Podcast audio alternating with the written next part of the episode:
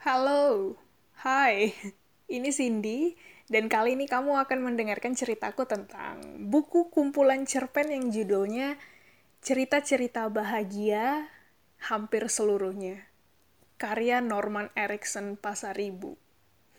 Total ada 11 cerita pendek di buku ini, hmm, satu hal yang menjadi benang merah atau yang menjadi topik besar dari keseluruhan cerpen di sini adalah kehidupan gay. Iya, gay atau homoseksual. Mulai dari susahnya mereka diterima di masyarakat. Kalaupun ada yang menerima, bukan berarti kehidupan gay itu akan lancar-lancar aja. Karena harus diakui terutama di Indonesia, masih lebih banyak yang kontra daripada yang pro. Terus juga di sini diceritakan struggle atau perjuangan seorang gay itu ketika menyatakan perasaan cintanya ke orang lain. Seperti yang ada di salah satu cerpen yang judulnya Kisah Sesungguhnya Tentang Lelaki Raksasa. Di situ diceritakan ada tokoh namanya Henry dan juga Tunggul. Mereka itu satu jurusan di kampus.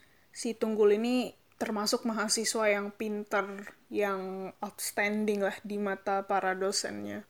Dan si Henry itu sebenarnya mahasiswa yang biasa-biasa aja secara akademis. Dan akhirnya mereka bersahabat, terus mereka sering cerita soal tugas kuliah, kehidupan sehari-hari, skripsi, gitu. Sampai pada akhirnya si Tunggul ini menyatakan perasaannya gitu ke si Henry. Nembak si Henry lah istilahnya. Tapi ditolak sama Henry. Karena Henry-nya bukan gay. Dia dia straight gitu dia hetero. Dia nggak bisa nerima rasa cintanya si Tunggul itu. Setelah ditolak apa yang terjadi sama Tunggul coba? Dia mulai berubah dia sering menghindar dari Henry tapi asal Henry nanya kamu kenapa ngehindar dari aku tapi Tunggulnya nggak ngaku? Ya semacam denial gitulah. Dan endingnya baca sendiri aja kehidupan romansa gay itu itu berbeda sama yang hetero. Bedanya gimana? Satu hal yang mungkin akan selalu dipertanyakan seorang gay ketika dia naksir sama seseorang adalah apakah orang yang dia taksir itu gay juga atau enggak? Kalau misalnya orang yang dia taksir itu ternyata bukan gay, ya dia harus menerima kenyataan kalau sampai kapan pun perasaannya nggak akan pernah terbalaskan.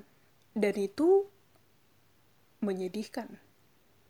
Kalau yang hetero kan, misalnya nih kamu cowok suka sama satu cewek nih, dan si cewek ini orientasi seksualnya ya hetero.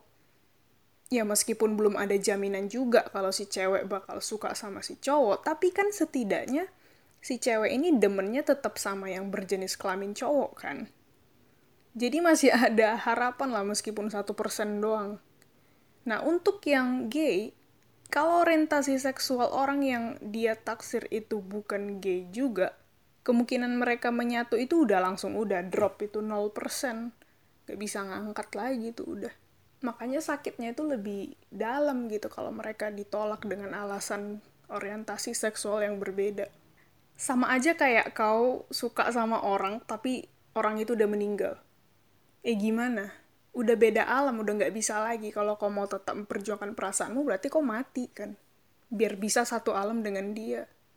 Ya maksudnya itu udah beda dunia banget yang udah nggak bisa diapa-apain lagi gitu.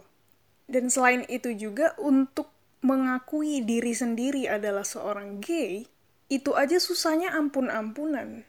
Apalagi kalau sampai nembak orang lain dan ditolak.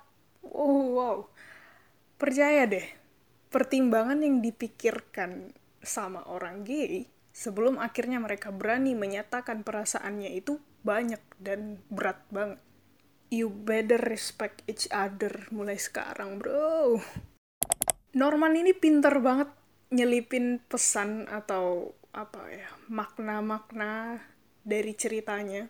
Kamu gak bakal nyangka kalau dua atau tiga paragraf lagi bakal ada kejutan atau plot twist dan itu yang ngebuat buku ini itu jadi page turner banget kan makna yang sering diselipkan kecil-kecilan sama Norman itu salah satunya adalah soal konsekuensi yang diterima oleh seorang gay ketika dia memperjuangkan identitas dirinya.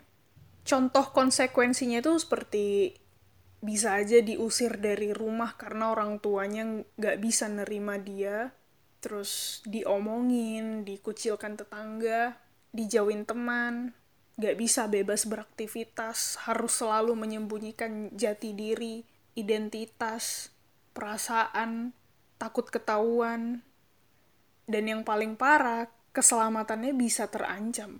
Di tengah masyarakat yang belum bisa nerima kaum LGBTQ+, itu, ya sangat mungkin loh untuk seorang gay itu diserang secara fisik karena banyak yang menganggap keberadaan mereka itu adalah sebuah dosa dan ancaman bagi masyarakat. Makanya jangan heran kalau banyak teman-teman gay itu yang tidak atau belum berani coming out atau mengungkapkan identitasnya ke publik.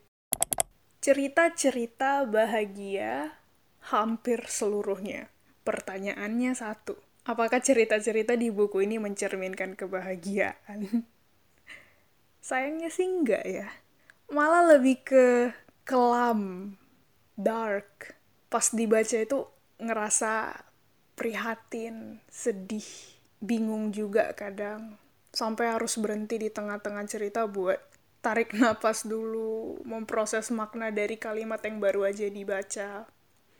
Dan untuk move on ke cerpen berikutnya itu, butuh space waktu lagi gitu. Karena rasa sakit dari cerpen sebelumnya itu masih membekas dan lebih lebih enak untuk dinikmati dulu rasa sakitnya. Jangan buru-buru baca cerita baru. Mungkin karena aku emang suka buku yang sedih ya.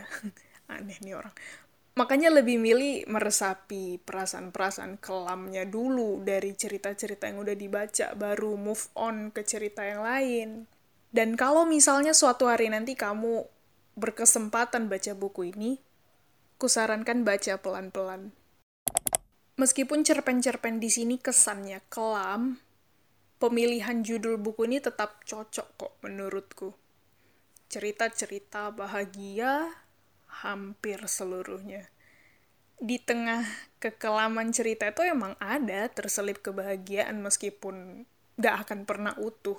Mungkin ini menyiratkan kalau menjalani kehidupan sebagai seorang gay itu bisa bahagia. Tapi, ada tapinya ini. Seperti di salah satu cerpen yang judulnya Keturunan Kita akan sebanyak awan di angkasa. Di situ ada pasangan gay, mereka namanya Leo dan Thomas. Mereka udah nikah secara resmi di Belanda. Mereka akhirnya bisa punya anak dengan cara donor sperma dan bayinya dikandung di rahim perempuan lain tanpa mereka harus berhubungan intim dengan perempuan itu. Tapi di sisi lain, ibunya Leo itu masih belum bisa menerima hubungan mereka sepenuhnya. Dan gak disangka ternyata Thomas masih menyimpan luka di hatinya akibat perkataan ibunya Leo saat mereka menikah. Luka itulah yang memicu apa ya, renggangnya hubungan Leo sama Thomas. Terus di cerpen yang judulnya ini agak susah nih bacanya. At at apa et ini? At ya. At Majorem Dei Gloriam. Ini nggak tahu sih bahasa apa ini. Aku baca sesuai tulisannya aja ya jadi di cerpen itu ada seorang bapak namanya Yohanes yang istrinya tuh udah meninggal karena kanker otak. Pak Yohanes ini seorang gay dan sekarang posisinya dia udah punya pacar baru. Tapi dia belum bisa menikah lagi karena dia khawatir anaknya tuh bakal diejek sama teman-teman sekolahnya kalau tahu bapaknya nikah tapi sama laki-laki. Satu lagi nih, cerita si ini si Tunggul tadi kan dia udah bahagia tuh ketemu sama Henry yang bisa membuat dia nyaman, yang ngobrolnya nyambung sama dia. Eh, ternyata Henry-nya straight, orientasi seksualnya berbeda sama dia. Intinya, banyak hal yang akan menghalangi seorang gay itu untuk mencapai kebahagiaan dalam hidupnya. Tapi itu bukan berarti gay itu nggak bisa bahagia loh ya. Pasti bisa. Cuman, setiap hari adalah sebuah perjuangan bagi kaum ini untuk menghadapi konsekuensi-konsekuensi dari masyarakat. Maybe you will lose people, but you get your truly self, and that's worth it. Udah gitu aja, Norman Erickson, Anda mantap sekali.